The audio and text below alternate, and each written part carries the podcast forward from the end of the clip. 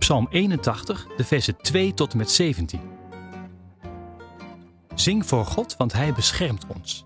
Juich voor de God van Jacob. Zing een lied en maak muziek. Sla op de trommel en speel op de harp.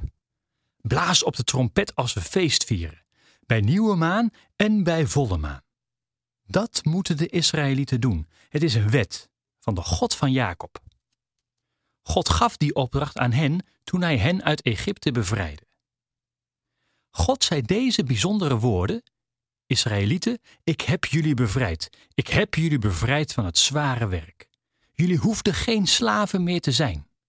Toen jullie om hulp riepen, heb ik jullie gered. Ik gaf jullie antwoord. Het klonk als de donder. Toen jullie klaagden in de woestijn, onderzocht ik of jullie mij trouw waren.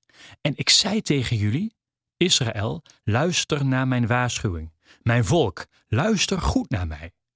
Luister niet naar andere goden. Wees niet gehoorzaam aan hen. Want ik ben de Heer, jullie God. Ik heb jullie bevrijd uit Egypte. Als jullie iets nodig hebben, zal ik het jullie geven. Maar jullie luisterden niet naar mij, Israëlieten. Jullie wilden mij niet gehoorzaam zijn. Jullie bleven je tegen mij verzetten. Jullie deden wat je zelf wilde. Toen wilde ik jullie niet meer helpen. Israëlieten, jullie zijn mijn volk. Waarom leven jullie niet volgens mijn wet? Als jullie naar mij zouden luisteren, dan zou ik je vijanden meteen verslaan. Al je tegenstanders zou ik overwinnen. Dan zou iedereen die mij haat voor altijd jullie knecht zijn. Maar voor jullie zou ik goed zorgen. Jullie zouden een goede oogst hebben, tarwe en honing, zoveel als je wilt.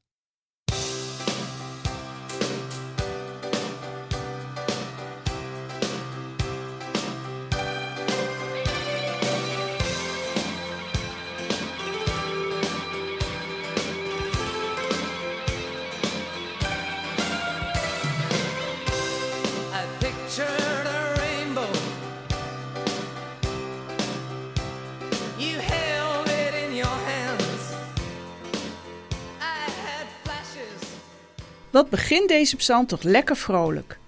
Er is een feest aan de gang en je wordt uitgenodigd om mee te zingen, mee te spelen en uitbundig feest te vieren. Kom, doe mee, vier feest. Na dit uitbundige begin slaat de sfeer om. De lezer wordt meegenomen naar de levende geschiedenis dat God zijn volk uit slavernij van Egypte bevrijdde. In deze oerervaring schuilt het geheim van de eeuwige band van God met zijn volk. Deze band is onverbrekelijk. Maar dat wil niet zeggen dat iedere dag de mensen leven volgens de regels van dit verband. Daarom neemt in de psalm God het woord en roept het volk op om zich aan de wetten en regels te houden. De feestelijke sfeer uit het begin van de psalm is helemaal weg. En ik vraag me af waarom dit zo bij elkaar is gezet. Aan het begin van de psalm wordt er gezegd dat er bij nieuwe maan feest gevierd moet worden. Dat dit als een wet is gegeven aan het volk Israël. Er is dus een feestdag van de nieuwe maan. Eerlijk gezegd was ik me daar niet zo van bewust. Toen ik ging zoeken naar wat dat feest betekende, kwam ik erachter dat het feest gevierd wordt als er een nieuwe maand begint.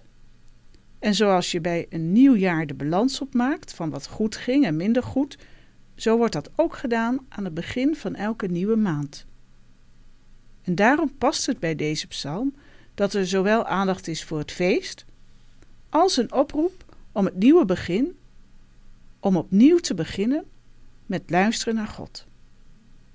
Eigenlijk vind ik dat wel een mooi idee, om aan het begin van elke maand nadrukkelijk stil te staan bij het feest dat God er altijd weer is en een nieuw begin geeft. Dat ik daar kracht uit kan halen en vertrouwen om te luisteren naar wat er te horen is van Gods wegen, door aandachtig in het leven te staan. En jij? Wat zou jij ervan vinden om aan het begin van elke maand de balans op te maken en jezelf een nieuw begin te gunnen?